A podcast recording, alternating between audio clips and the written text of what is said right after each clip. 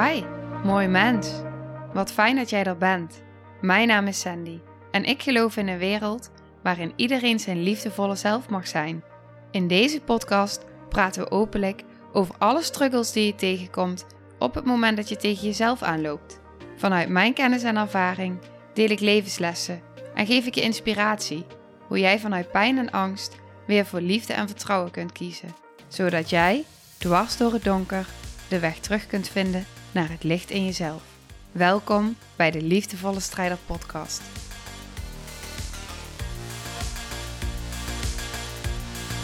Welkom bij aflevering 3 van deze reeks. Ik zit hier nu samen met Elle en ik had eigenlijk gezegd dat deze derde aflevering zou gaan over mijn reis naar Amerika. Maar vanaf nu neem ik deze hele reeks samen op met Elle.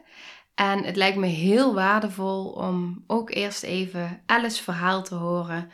Hoe het bij haar is verlopen, het proces van ja, ziek worden eigenlijk en eh, de reis richting Amerika.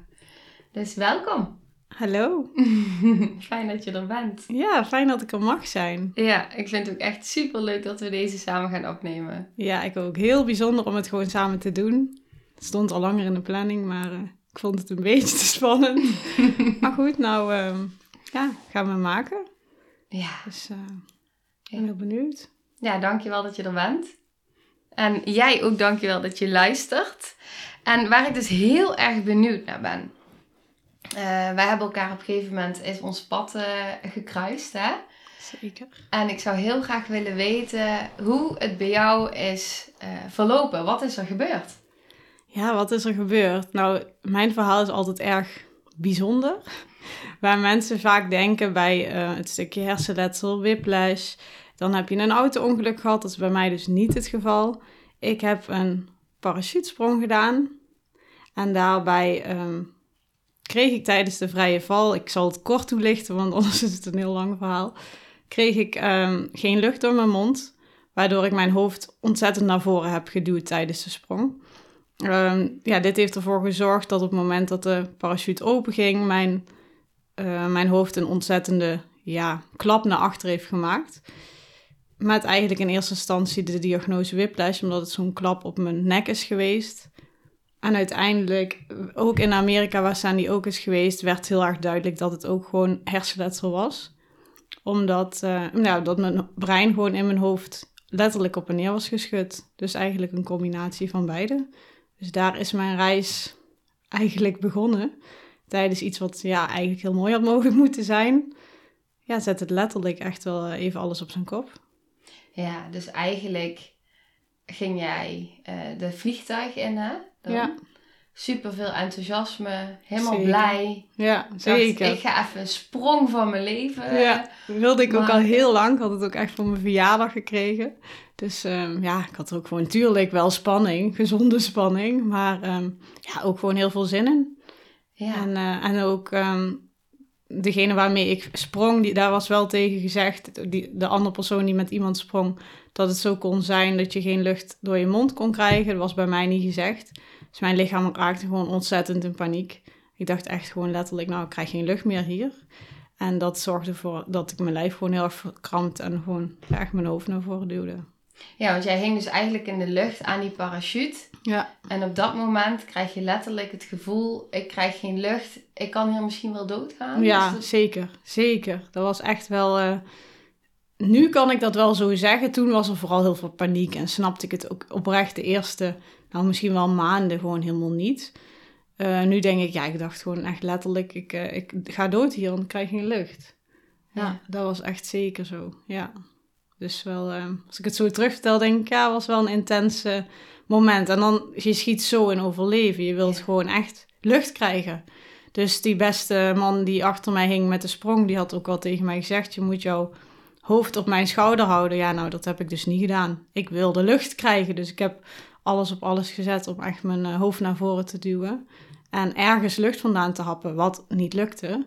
Maar op het moment dat de parachute open werd gedaan, dan krijg je echt zo'n uh, ja, zo'n effect dat je terug wordt getrokken. Toen kon ik weer ademen. Maar toen klapte dus wel mijn hoofd van voren helemaal terug naar achter op de schouder van Zo. die medepersoon. Ja, en dan heb je dus die, die klap van Ja, voor naar achter. Zeg Precies, maar. dus je hebt eigenlijk in principe, heb je wel hetzelfde effect als bij een auto-ongeluk. Echt wel die beweging van voor naar achter. En dan nu met een hele heftige trekkracht daarbij. En ehm, ja, en dan die paniek. Dus dat zorgt ook natuurlijk voor heel veel spanning extra. Ja, want hoe lang duurt het, zeg maar, het moment dat jij uit het vliegtuig springt totdat die parachute open gaat? Ja, ik, ik kan het eerlijk gezegd niet zo navertellen, maar volgens mij is dat echt iets van... Dat was wel tegen ons gezegd. Ik geloof echt 90 seconden of zo. En ik heb oprecht ook in dat moment geteld. Daar kon ik nog wel bedenken dat ik dacht, ik moet tellen. Want als het goed is, zou het kunnen dat ik dadelijk weer lucht krijg. Oh. En de, nou, die 90 po- seconden, die voelde als, ja, heel lang. Dat je gewoon echt zo in paniek bent, ja. Ja, precies. Ja, dat was echt eh, wel heftig, ja. Ja, ik kan me ook voorstellen dat op dat moment je, eh, je oerbrein het bijna ook gewoon overneemt, zeg maar. Dat je Ja, dat denk ik zeker. deels, omdat je Ja. natuurlijk wel nog kon tellen. Dus misschien wil je je mindje er ook nog bij houden van Mhm. Blijf alert of zo. Ja, dat denk ik wel. Ja, ik, je gaat zo alles doen om het maar te... Ja, om de controle daar weer in te hebben en om het te overleven, letterlijk. Ja, En dat was in eerste instantie gewoon het ademen en het tellen. Ik weet niet eens of ik het hele moment heb gedaan, maar ik weet wel dat, dat ik gewoon gedacht heb... Oh, dit duurt, ze hebben gezegd zo lang. Ehm, ja, dan ga ik kijken of ik, daar, of ik daar iets mee, of ik dat kan tellen. Ik weet niet of ik het heel tijd Ja. gedaan heb. ja. En het is ook zo'n moment...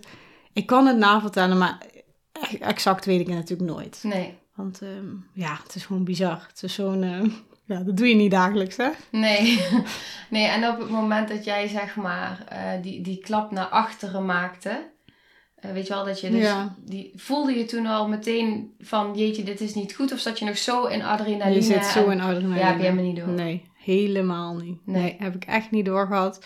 En daarna was het in principe eigenlijk zelfs mooi. Dus dacht ik, oh wauw, dit ziet er mooi uit. Ik zie een mooi uitzicht hierboven. Oh, je kan weer ademen. Ja, ik kan weer ademen, dus je bent ook gewoon opgelucht. En ehm, ik had wel een filmpje van de sprong. Al, mijn paniek kan ik daarin niet heel goed zien. Maar ja, je ziet jezelf op dat moment alleen duikelen. En, en daarna hoor je mij heel gezellig gewoon kletsen met de man waarmee ik spring. Van, oh, en wat mooi uitzicht. Kijk, daar heb je mooie mensen met een zwembad in de tuin. Ik Mm. lijk heel relaxed. Maar ja, dat is ook... En die adrenaline zit er nog in. En het is oprecht ook wel gewoon mooi. Maar, ehm, en toen, ik weet nog heel goed, toen ik weer op de grond stond, goed en wel weer terug, alles uit en zo, dat ik helemaal aan het shaken was. Mijn hele handen trilden. En dat ik ook echt gewoon de hele tijd zei eh, daarvan, oh, mijn handen trillen. Jeetje, maar dat doe je ook niet elke dag, zei ik Mm. gewoon heel tegen mezelf. Nu denk ik, ja, dat is gewoon ontlading geweest. Maar toen heb ik daar gewoon niet, eh, nee, niet gesnapt. Nee, dus je lichaam Nee. was eigenlijk al aan het releasen van, Zeker. van de shock, van Ja. het trauma Ja, eigenlijk. tuurlijk, echt wel. Ja, Ja, ja. dus eh, ja. En toen? En toen, ja, toen ben ik eigenlijk gewoon doorgegaan met waar, mijn leven, waar ik mee bezig was. Veel werken. En ehm, ja, ik ik kreeg eigenlijk de dag erna al last van mijn nek. Best wel heftig last van mijn nek. Maar ook daarin dacht ik, ja, je springt toch niet elke dag uit een vliegtuig? Het zal wel, ja, het zal er wel bij horen. Ook tegen niemand zeggen, omdat ik dacht, ja, ze zullen ook wel zeggen, je bent zelf uit dat vliegtuig gesprongen. En ik denk dat ik twee weken lang gewoon doorgewerkt heb. En ook gewoon echt heel veel, want het was zomervakantie en ik moest van alles opvangen. En, ehm, en de paracetamol de ibuprofen werd maar meer en maar meer. En ik dacht, nee, ja, ja ik moet werken. Ja, jammer dan, die nek. Ja, ik heb gewoon zelf voor gekozen om uit dat vliegtuig te springen. Toen had ik een paar dagen vrij. Eh, Een paar dagen achter elkaar. Dat ik weet ik nog ongeveer zo. En toen was het echt, ja, toen ging letterlijk het licht uit. Ik weet dat ik echt eh, een dag vrij had en dacht, oh, ik voel me heel beroerd en ik ben misselijk en mijn hoofd doet pijn. Ja, mijn lichaam kreeg gewoon rust en gewoon alles kwam eruit. Ook echt gewoon dat ik dacht, nee, laat alle ramen maar dicht. En Ja. ik wil geen licht, dat er geen licht binnenkomt. En hoe ik die twee, drie weken wat het was, heb doorgetrokken, ik heb echt geen idee.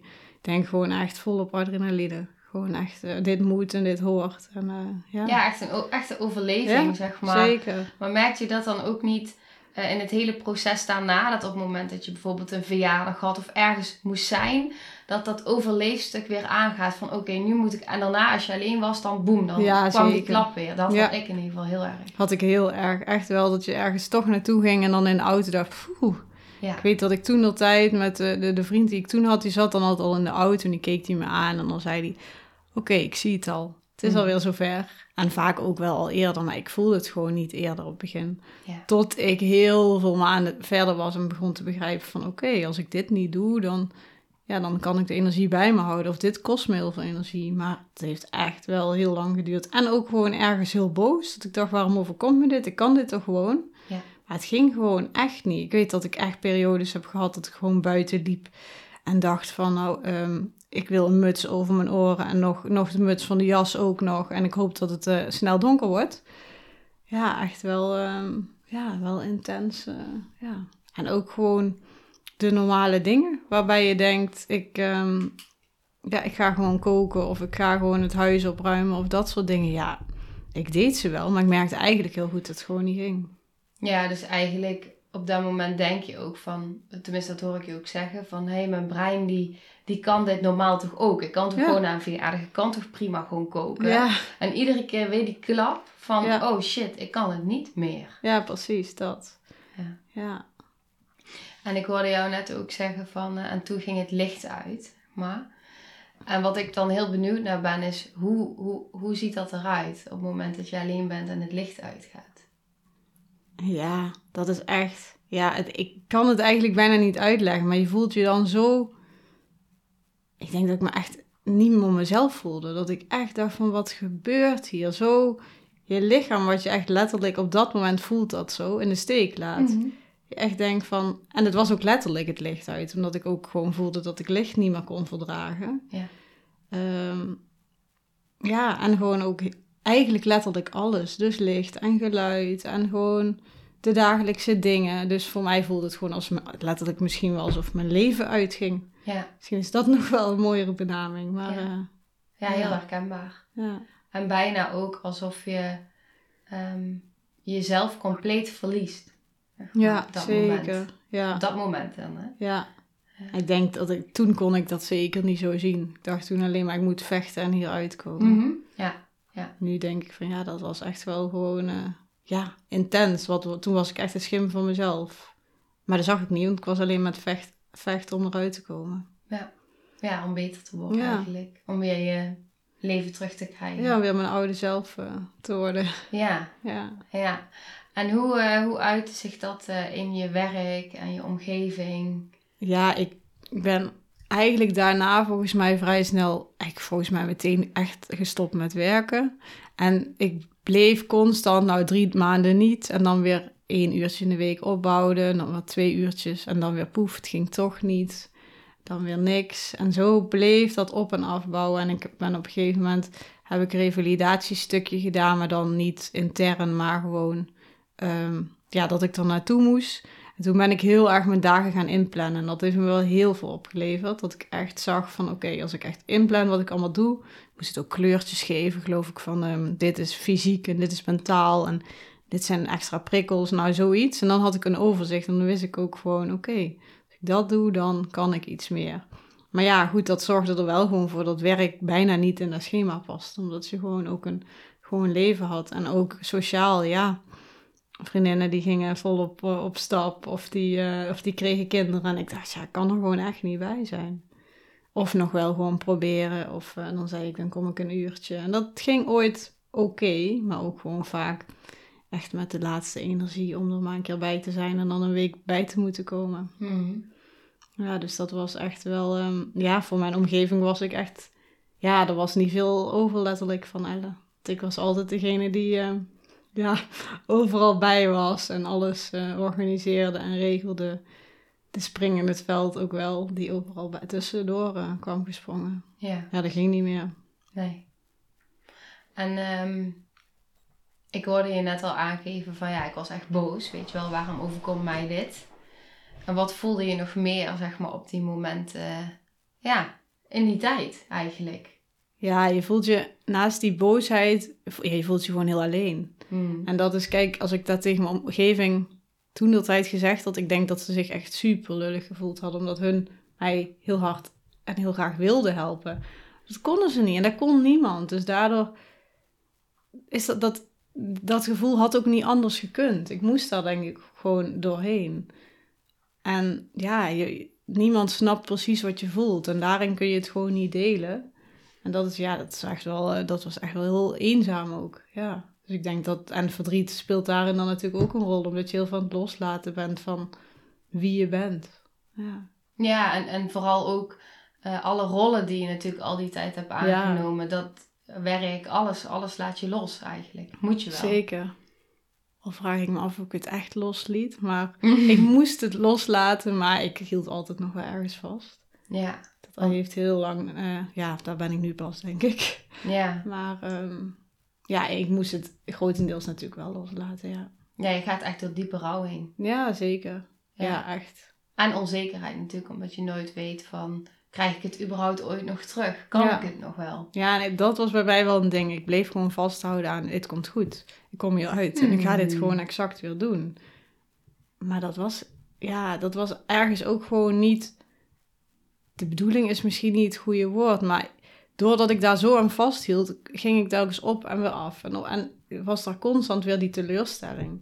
Ik had beter veel eerlijk kunnen, kunnen voelen en kunnen ervaren, oké, ik laat het los. En ik zie wel, maar ik bleef zo vechten. Dat is echt wel heel lang mijn uh, mechanisme geweest. Ja.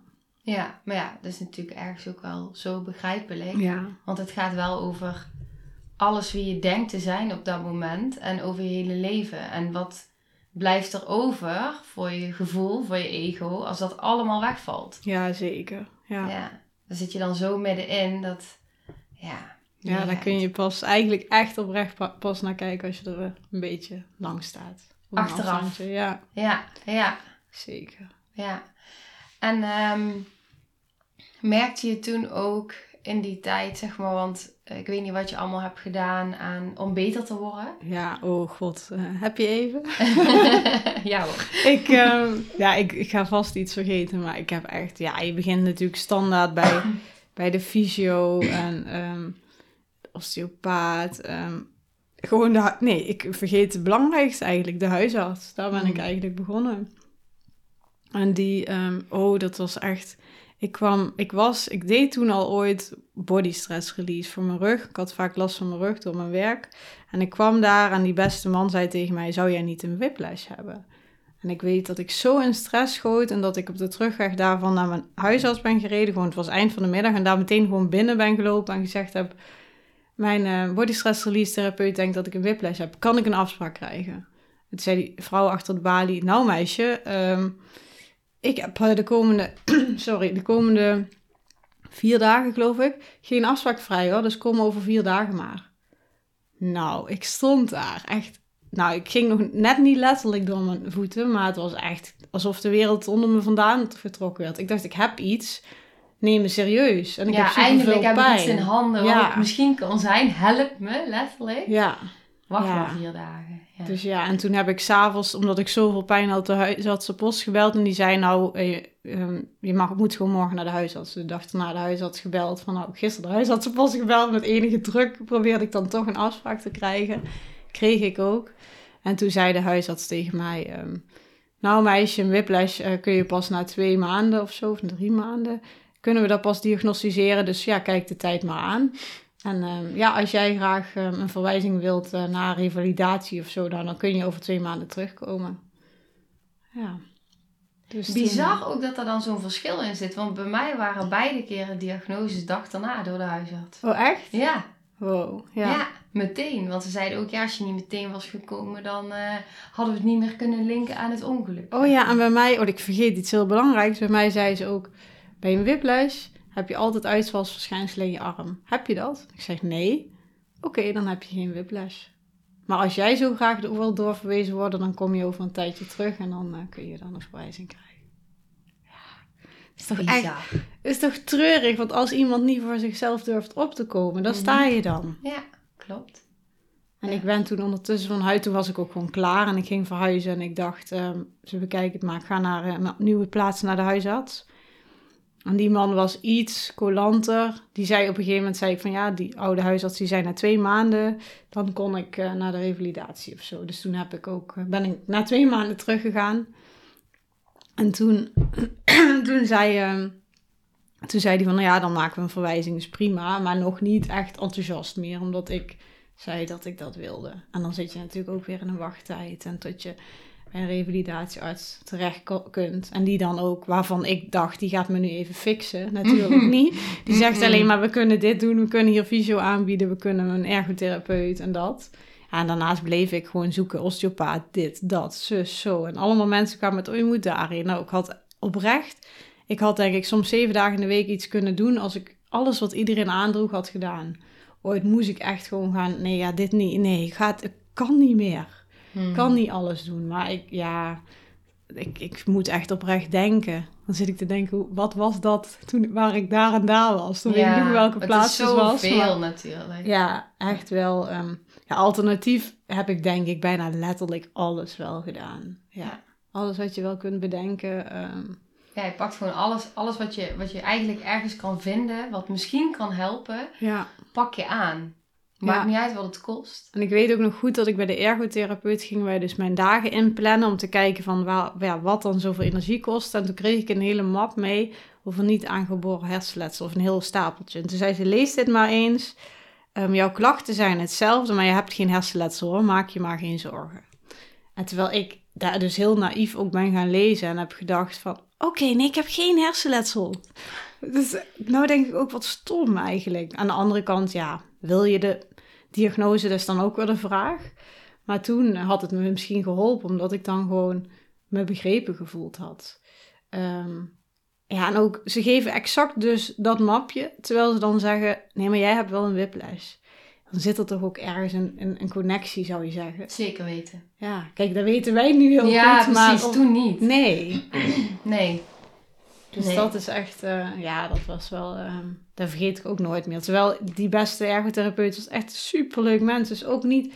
Het is ook gewoon, die doen wat ze kunnen. Ja, het is en waar ook- ze voor geleerd Ja, hebben. precies. En wat ik heel erg miste, en misschien herken je dat wel, eh, is dat iedereen heeft een bepaalde expertise, maar ze missen zeg maar het, het, het geheel.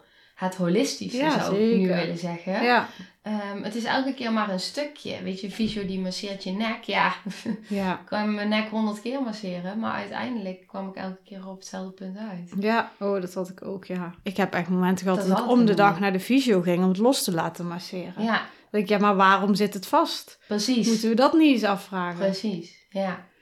En toen, ehm, op een gegeven moment kwam Amerika op jouw pad. Hoe ging dat? Dan vraag je me iets. Ik moet oprecht nadenken. Ja, ik weet het dus ook niet meer. Het kwam ineens zo... eh, Hoe kwam Amerika op mijn pad? ja, Oh, ik weet het wel. Ik zat ergens in een Facebookgroep of zo over. Whiplash, denk ik. hmm. Ik denk toen nog niet hersenletsel, want dat wist ik niet dat het eronder viel. En toen ehm, ja, zag ik iemand heel enthousiast en die ging meteen een intake plannen. En toen dacht ik, eh, oh, dat kan ik ook doen.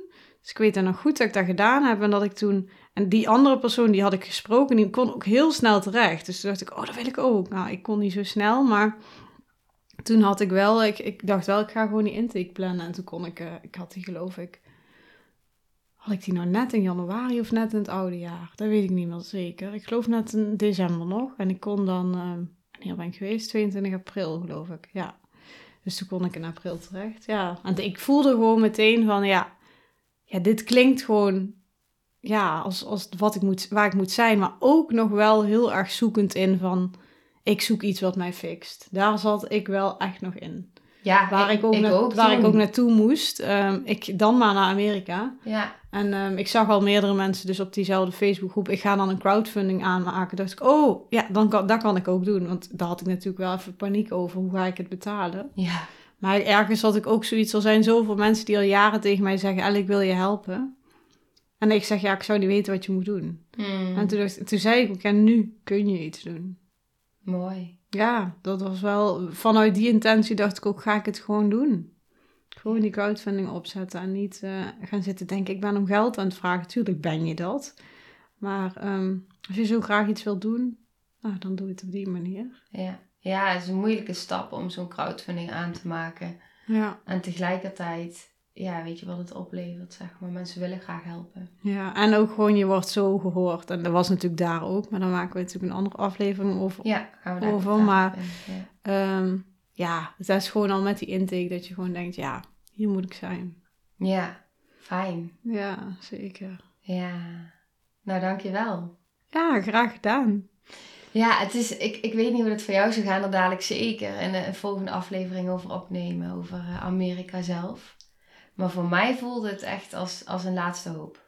Amerika? Ja. Ja, zeker. Ja, dit is Zeker echt weten. zoveel gedaan. Dit is mijn laatste hoop. Als dit niet werkt, dan eh, Ja. shoot me. ja ik, heb, ik heb wel heel veel laatste hoop hoor. Dan ging je weer naar die therapeut en naar die. Ik had echt heel vaak van dit moet het zijn. Ja, Ja. dat had ik bij Amerika inderdaad ook weer. Ja. En daarna natuurlijk nog een stapje groter, omdat je echt helemaal naar Amerika gaat. En, ja. Ja, zo. Is er iets anders nog wat heel erg belangrijk is voor eh, wat ik misschien niet heb gevraagd? Of ehm, ja, wat belangrijk is. Had je je baan nog toen je naar Amerika ging? Ja, Ja. die had ik nog. En die hadden, hun hebben ook gewoon, ja, die stonden ook helemaal daarachter. En ook qua sponsoring, sponsoring zelfs meegeholpen. Ja, echt. eh, en ik, ik ging ook echt, dat was ook een ding. Ik ging ook echt met de gedachte, ik ga daarheen zodat ik weer aan het werk kan. Ik ook. Weet je wat ik op mijn werk zei? Ik ga daarheen en als ik dan terugkom een week daarna, dan ben ik er weer. Ja, dat was bij mij precies hetzelfde. Ik ja. dacht, ik, oh, dan ga ik gewoon meteen weer op. En eenmaal in Amerika of net ervoor, dat weet ik niet meer, hoorde en denk ik van, oh, je kunt best, daarna wat tijd voor jezelf eh, pakken. En toen heb ik dat toch nog wel geregeld, van dat ik dan volgens mij twee maanden of zo, of, of zes weken thuis, en dan ging ik weer opbouwen. Dus dat was ook, ja, hun- ja dat was ook, ook echt de intentie voor mij. Ja. Niet eens alleen, ik wil beter worden, maar ik wil dat werk wil doen. Ik wil er wel zijn voor mijn cliënt. Ja. Ja. Zijn voor anderen. Ja. Ja, ja. ja en verder, ehm, nee, ik denk dat we het wel, eh, ja, vooral van die periode, ja, goed samengevat hebben. En de rest komt wel in een andere aflevering. Jazeker. Nou, dankjewel. Dankjewel voor het delen Ja, van... graag eh, gedaan. Fijn dat ik er mocht zijn. Ja. Het is Fijn ook wel een dat je beetje spannend, dus ik ben benieuwd. Je doet het supergoed. nou, jij ook dankjewel voor het luisteren. En dan gaan we in de volgende aflevering eh, verder over ons eh, Amerika-verhaal. Ja. Nou, tot de volgende.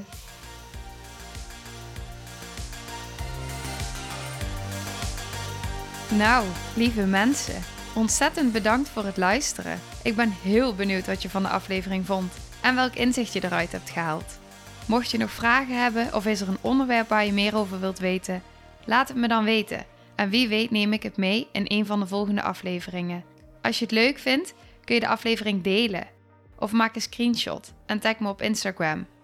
Want ik vind het echt super tof om te zien wie er luistert. De link van mijn Instagram staat in de beschrijving bij de podcast. En wil je blijvend geïnspireerd worden? Klik dan op abonneer of volgen in de podcast-app waarmee je luistert. Dat zouden ik en alle toekomstige luisteraars enorm waarderen. Want dat zorgt er namelijk voor dat de podcast beter gevonden wordt. Nogmaals, dankjewel voor het luisteren en heel graag tot de volgende aflevering.